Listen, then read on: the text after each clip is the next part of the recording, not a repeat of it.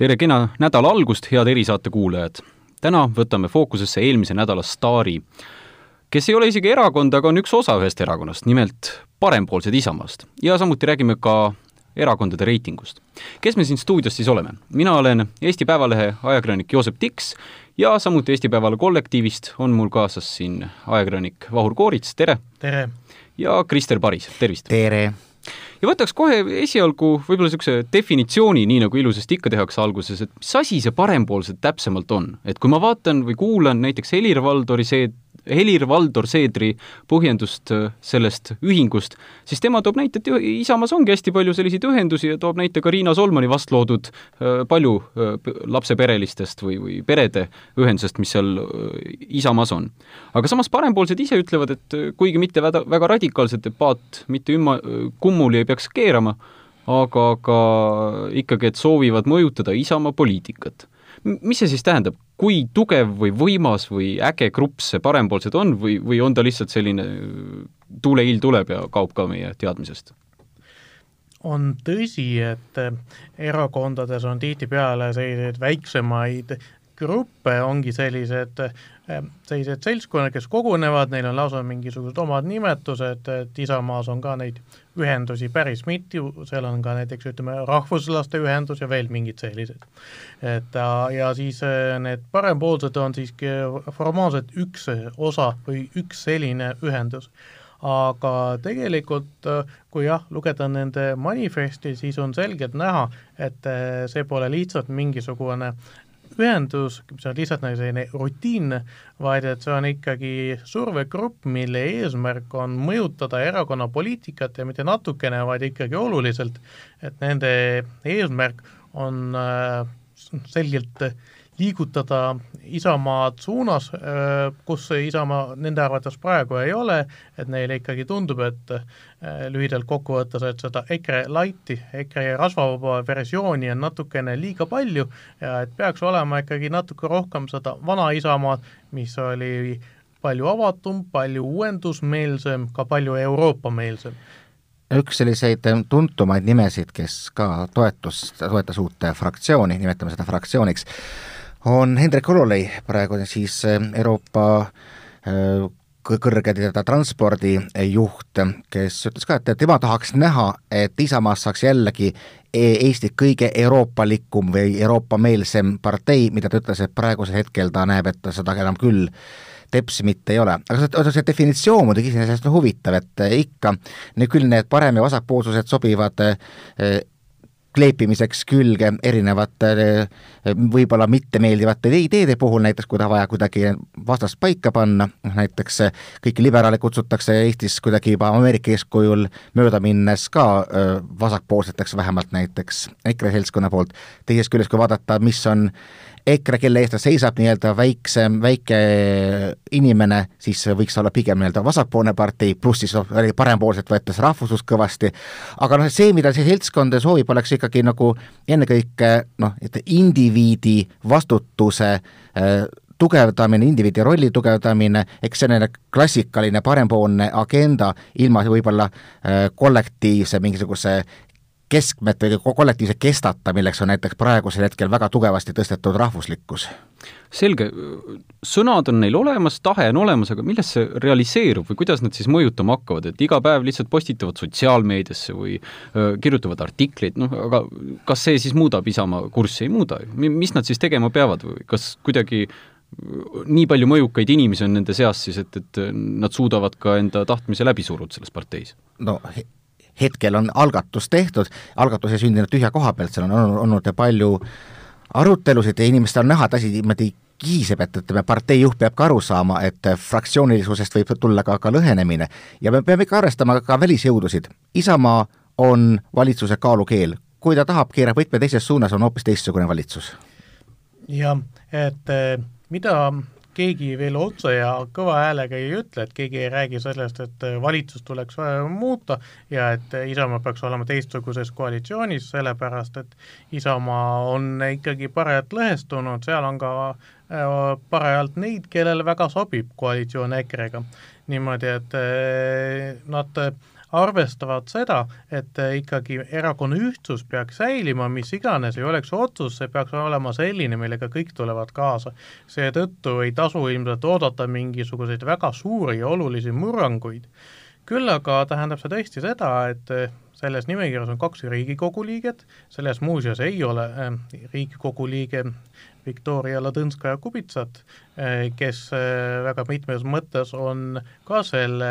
kaasmõtleja, niimoodi, et sealt saame kolm, võib-olla veel mõned juurde, et ega sealt ei ole väga palju, kui tuleb juba kolm-neli-viis sellist Riigikogu liiget Isamaast, kes teatud hetkedel võivad hääletada teistmoodi. ja et seda ei juhtuks, peab siis koalitsioon, muidugi nii Helir-Valdor Seeder, aga ka kogu koalitsioon, arvestama sellega, mida nad tahavad. ehk siis see ongi teatavat sorti äh, Äh, survestamise vahend, kuidas tekitada olukorda, et äh, kui koalitsioon otsustab oma asju, siis ei oleks laua taga ainult kolm inimest, Ratas, Helme ning Seeder, aga et äh, isegi kui nad on seal kolmekesi, nad peavad arvestama sellega, et Isamaas on veel üks grupp inimesi, kellel on väga selged ja tugevad seisukohad asjade kohta ning nad peavad ka sellega arvestama, vastasel juhul võib juhtuda, et Riigikogu saalis hakkab neid äh, neid hääli võib kas just puudu jääma, aga see ülekaal võib valitsusel muutuda juba üsna napiks. no mis see kaalukeel on või mis see neid häirib nii väga, et, et nüüd vajab olukord koalitsioonis muudatust. kui me mäletame paar aastat tagasi, võib-olla isegi rohkem, kui Jüri Ratase esimeses valitsuses Seeder tuli pinnale, siis toimus ka justkui kannapööre Isamaa sees, aga see ei toimunud mitte sedapidi, et oleks sees mingisugune ühendus loodud, vaid lihtsalt valiti uus juht no võib-olla vastus he, Helir-Valdor kolm protsenti, no mõned küsitlused juba näitavad Isamaale kolme protsenti, no teised näitavad kuut, see on aga väga suurt tähtsust, me peame arvestama kogu seda ruumi, kus Isamaa tegutseb, ehk siis näiteks lõhenemine, millest, millest ka Vahur nagu, ka mina, mina viskasin õhku selle teema lõhenemine tähendab seda, et Isamaad kui parlamendierakonda enam ei pruugi olemas olla. ehk siis nendega see mänguruum on hästi ahta, ahtakene, et samm vasakule, samm paremale ja natuke liiga kaugele ja tegelikult järgmistel valimistel ta enam, enam künnist ei ületa, samas ka praegu jätkates samamoodi ka ei pruugi ületada. ehk siis äh, olles nii-öelda hetkel ikkagi väga paljude valijate jaoks EKRE väike vend, väga paljude seniste Isamaa valijate jaoks äh, suur küsimärk, et mis siis ometi sünnib, siis äh, selgelt selline mm, identiteedi otsing käib, aga just nimelt äh,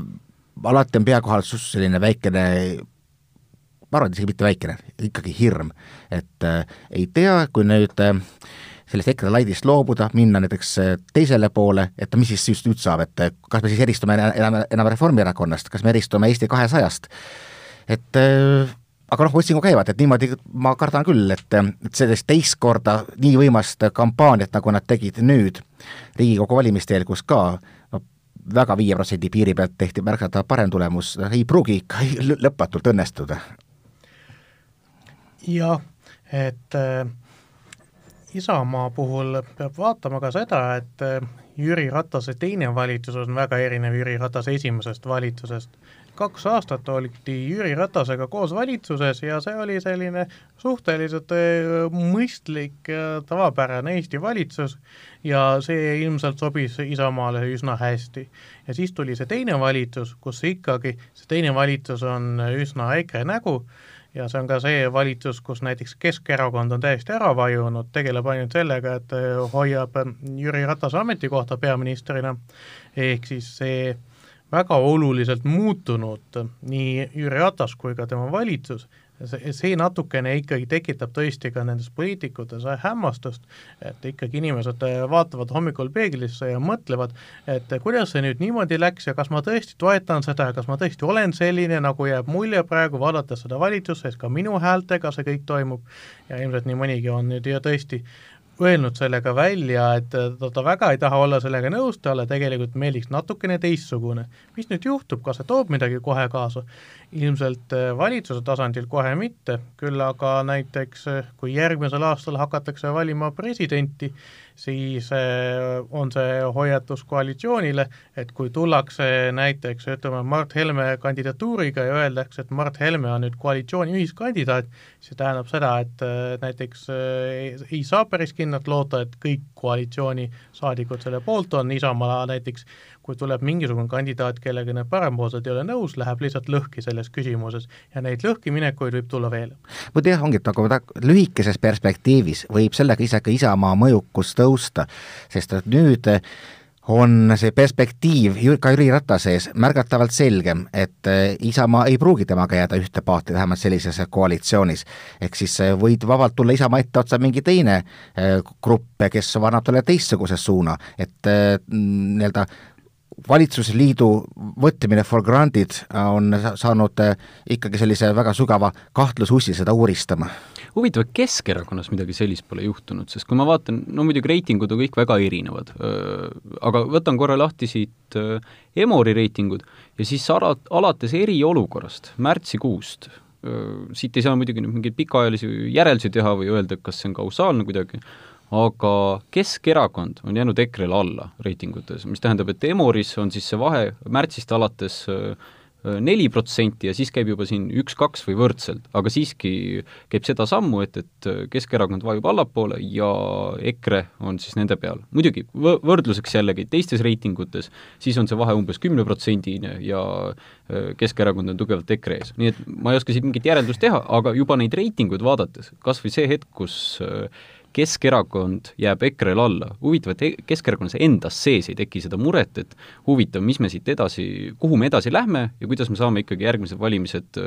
võimalikult hea tulemuse, et võib-olla teeks endale ka mingi mõjugrupi. no kindlasti on osaliselt ka see asi selles, et nende noh, nende baastuumikvalijaskond on ikkagi piisavalt konsolideerunud, et see näitas ka see kriis, et kui ütleme, mujal ikkagi suutsid valitsuserakonnad pigem korraks, vähemalt kriisi hetkel, enda toetust märkimisväärselt tõsta, siis Eestis no ka tõusis, aga see oli selline äh, vähem, kui, kui oleks võinud oodata. Ja nüüd on nad kukkunud umbes tagasi samasugusesse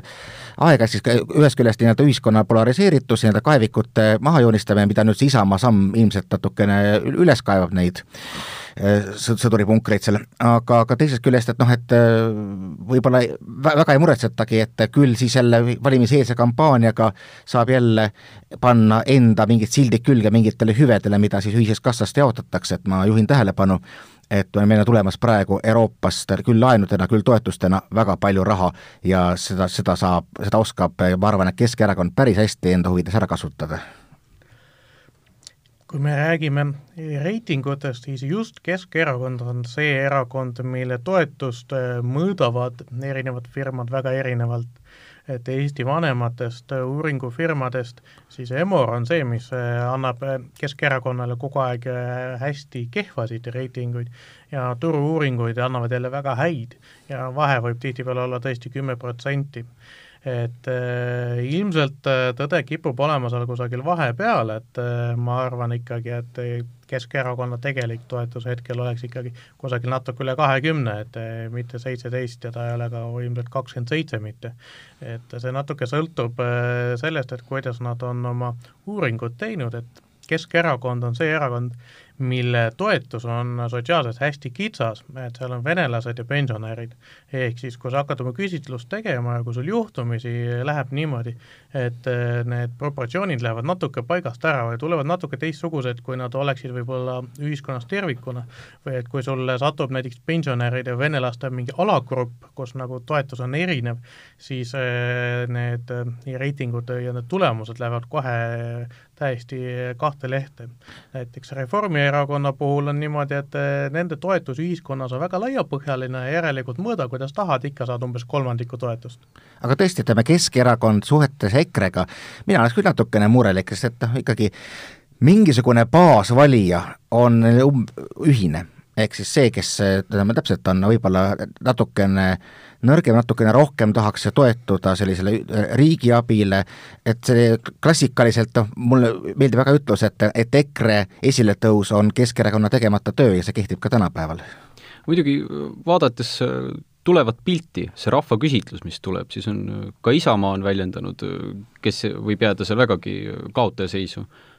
seda, et, et valijaskond lüüakse kahte lehte ja Keskerakond, mitte Keskerakond, vabandust, EKRE suudab valijaskonda siis äh, nii palju ikkagi enda selja taha selles küsimuses võtta, seda enam, et on praegu ju tegelikult ainus erakond, kes väga tugevalt üritab seda rahvaküsitlust läbi saada. et kas selles hetkes ei ole see, kus Keskerakond võiks äh, näidata punast tuld ja öelda, et kuulge, et nüüd te võtate väga tugevalt juba selle osa ära, mis on meie valijas, valijabaas, mida ka Helmed ütlevad, et nad hakkavad Keskerakonnalt ära võtma seda valijabaasi, ja tekib Keskerakonnas selline siseopositsioon, mis võib-olla Jüri Ratasele näitab, et nii nagu parempoolsed, et seda kurssi tuleks muuta no aga vaadake, näiteks samas parempoolsete manifestis oli minu meelest mitmel korral suhteliselt rasvaselt alla, alla joonitud, et nad on vastu sellise rahvaküsitluse tekkele, tule, tulekule üldse, ehk siis nii, et kui Isamaa pale peaks omandama rohkem parempoolsete nägu, siis tõenäoliselt valitsuskoalitsioonist see küsit-, küsitlus, mis pealekauba on veel täiesti mõttetu küsitlus, temast ju siduvat referendumit ei tehta, see, see jääkski olemata siinjuures arvestame ka sellega, et kui Isamaas võib tekkida selline mässuliste fraktsioon, kes hääletab Riigikogus hääletusel vastu, sest seda rahvahääletust tuleb Riigikogus hääletada eelnevalt, et üldse see panna sinna, siis niipea, kui tekib Isamaas niimoodi kaks-kolm-neli inimest, kes hääletavad vastu, sellest veel ei piisa. aga kui juhtumisi ka Keskerakonna Vene tiival tekib mingi hulk kolm-neli-viis inimest, kes ütlevad ka, et kuulge, et venelased, venelastest pooled ei saa hääletada, meie sellist asja ei toeta, me toetame siis, kui kõik saavad hääletada kohalikel valimistel, ehk siis ka mittekodanikud.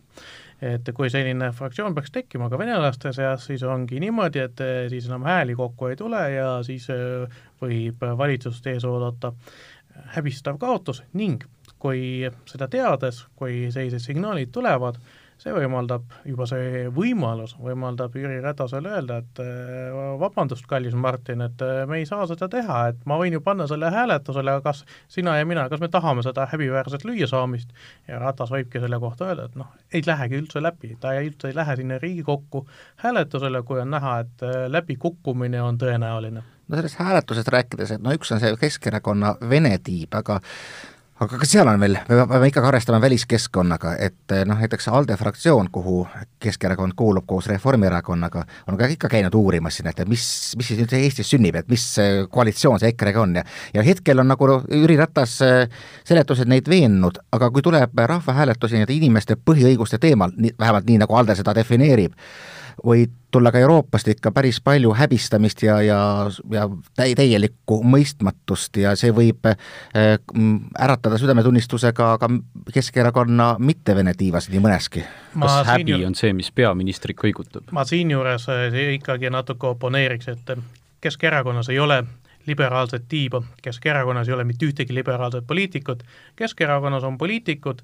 kes teevad seda, mida neil on vaja, et äh, et jälle saada valituks, et eh, saada jälle mingisuguse toreda hea töökoha peale, selliseid inimesi, kes läheksid eh, oma erakonnaga tülli mingisuguste põhimõtete pärast, veel vähem liberaalsete põhimõtete pärast, ei ole selle erakonna Riigikogu fraktsioonis mitte ühtegi. üks oli, aga ta läks vist äh, akna alla. tema läks minema ja nüüd ongi alles null. noh jah, et Oudekki Loone puhul ma tunnetaksin ta ei ole siiski... liberaal seda kindlasti no selge, välimääraja on tehtud Keskerakonnale, aga, aga see olukord, kus sul ongi, ütleme, nii nagu Krister kirjeldas, võib-olla Keskerakonna vene tiib, kus sul on Isamaa parempoolsed või parem tiib, ja siis on seal keskel Jüri Ratas ja teisel pool on temal siis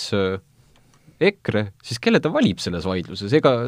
ük-, üks hetk tal tuleb ju noh, olgu see üks küsimus või teine küsimus, kellelegi järele anda seal. eks see selgub siis, kui aeg on käes. ta on siiamaani näidanud, näidanud hämmastavat äh, võimlemisoskust, aga nagu sa kirjeldasid, tõe, vaata, vaata, kui suur ja laiapõhjaline ühiskondlik toetus kogu selle ko-, ko-, ko-, kopotil nüüd on, et kõik on esindatud. jah, et äh, ütleme niimoodi, et ainus asi, mille peale sa võid olla kindel, on see, et mis iganes ei oleks ka see lahendus, on lahendus, mis toetab Jüri Ratase töökoha säilimist. ja va-, vaadates äh, korra nüüd mitte valitsuskoalitsiooni, aga näiteks ka opositsiooni poolt, vahetaks teemat, siis ma vaatan reitingutes, Reformierakond on ikka ülekaalukas tšempion kogu aeg, käibki seal kolmekümne kolme protsendi juures tihtilugu, praegugi näiteks. aga ometi seal sotsiaaldemokraadid ja Eesti kakssada stabiilselt, vahet ei ole, mis maailmas sünnib, loksutavad kuskil seda kümmet protsenti millest see tuleb, et just nimelt Reformierakond on saanud sellise, ma, ma, ma ei tea, kas see on tõsi, aga sellised protestihääled ja need teised kuidagi jäävad siis ilma? no tegelikult vaata, Eesti kakssada on tõusnud ikka väga, väga palju kõrgemale, et mind, kui midagi, miski üllatab, siis noh, suhtelise vaikuse juures sellise äh, toetuse omamine näitab, et ikkagi päris palju protestivaimu läheb ka tema taha Reformierakond ei ole kindlasti protestipartei, Reformierakond on inimene, kes on koondanud enda taha väga suure hulga nendest inimestest, kellele noh, praegune poliitika ei meeldi, kellele meeldis selline poliitika, mida Eestis on tehtud viimased ütleme, kakskümmend viis aastat enne aastat eh, kaks tuhat kuusteist. ehk siis, et need nõndanimetatud peavooluvalijatest, nendest väga paljud on siis Reformierakonna taga ning eh, Eesti kahesaja toetajad on inimesed, kes mitmes mõttes jagavad Reformierakonnaga sarnast maailmavaadet, aga ei taha valida Reformierakonda Need jah, aga nad, nad kahe peale annavad sellise mm, tugeva, ikkagi pigem sellise liberaalse tiiva Eestis, Eestis välja ja ja ütleme noh, nagu päris liberaalidel on üldse väga raske kedagi Eestis leida, et, et aga mm, noh, jällegi nagu me näeme, no see, see piir on ka nagu käes, et see, seesamas see, et ega kuskil väga palju kõrvalt ka enam midagi võtta ei ole, ehk siis ka järgmised valimised tooksid üsna sarnase tulemuse, kus Reformierakond võidaks suurelt ja noh, siis võib-olla, kui oleks parlamendis rohkem erakondi, mis, mis praegu, praegu ei sündi, kui, kui, kui praegu siis oleks võib-olla ka lihtsalt ütleme, kombineerimise võimalust pärast valimisi rohkem, aga ega nagu need rahva toetused nii-öelda keski poolt refi poole ja nii edasi, need väga palju ju, ju, ei liigu. vaadates, no küsime, ütleme, et täna on näiteks Riigikogu valimised ja need reitingud, mis siin on, need kehtivad kas see ongi Eesti uus poliitiline reaalsus, et meil ongi suhteliselt praeguse koalitsiooni ja siis kui me paneme Eesti kahesaja ka sinna hulka, siis nii-öelda opositsiooniparteide vahel olukord fifty-fifty ja, ja kuhu läheb Isamaa, siis sellest sõltub uus koalitsioon või? Eestis on tegelikult ajalooline keskmine ongi olnud viis-kuus erakonda Riigikogus, et see on see, kuhu tavaliselt on see äh, tulemus tulnud. kui me räägime praegusest koalitsioonist, selle tekkimisel oli väga oluline see, et Eesti kakssada napilt jäi välja, et äh, see ei olnud väga palju hääli, mis oli vaja, et Eesti kakssada oleks sisse saanud, siis oleks ilmselt äh, olnud meil natuke teistsugune koalitsioon praegu, siis oleks ka olnud võimalus teha teistsuguseid äh, koalitsioone, see matemaatika oleks olnud teistsugune. Ja kui nüüd tuleb, tulevad uued valimised, siis jällegi see sõltub jälle sellest äh, koalitsiooni matemaatikast, Riigikogu matemaatikast, et ilmselt ikkagi trend on sinnapoole, et see Isamaa osakaal oluliselt väheneb ja Eesti kakssada võib seda asendada äh, nii seal äh, koalitsiooni äh, koostamise nendes kalkulatsioonides, aga võib-olla ka ikkagi maailmavaateliselt, et kui vaadata natuke inimesi, kui vaadata ka äh, seda, et millist juttu Eesti kahesaja inimesed räägivad, siis see, see ongi natuke sedalaadi äh,, sedalaadi Isamaa äh, milline ta oli natukene varem, et see on, see on võib-olla, see oli nagu ütleme, selline alternatiivne Isamaa arengutee, siis kui Isamaa ei oleks äh, läinud sinna, kus ta läks, vaid et oleks võib-olla saanud natuke teises suunas areneda, oleks me võib-olla, oleks praegune Isamaa selline, nagu on Eesti kakssada. Ja siiski, ütleme, ikkagi üsna nii-öelda äärmuslik, teistest selgelt eristuv nišš on äh, EKRE-l, et äh, ilma temata on ilmselt kõik osapooled valmis mingisuguseid kombinatsioone tegema, et EKRE on selline Äh, huvitav, aga jällegi mitte kunagi ilmselt üle, üle viiendiku rahva toetust äh, omav, omav äh, siis jõud. ja siinkohal tahakski lõpetada, ega tegelikult kokkuvõtlikult midagi äh, situatsiooni kohta, kus nagunii hoiame silma peal ja vaatame, kuidas on ju ralli käib, ei saagi öelda, et, et äh, nagunii äh, tuleb uuesti ja uuesti vaadata nendele reitingutele otsa ja mõelda, et, et mis see siis kahe aasta pärast võiks olla uus poliitiline reaalsus. no vähemalt on praegu suvi ja midagi on rääkida. Noh, kõik puhkavad, on ju hetkel, et, et aga samas valijad ikkagi omavad ühele või teisele poole eelistusi ja juhtu, sündmusi juhtub pidevalt. Aga siinkohal tänakski, Vahur, Krister, et tulite saatesse, loodan, et kohtume taas kord ja tänan ka erisaate kuulajaid, et olite meiega. kõike kena!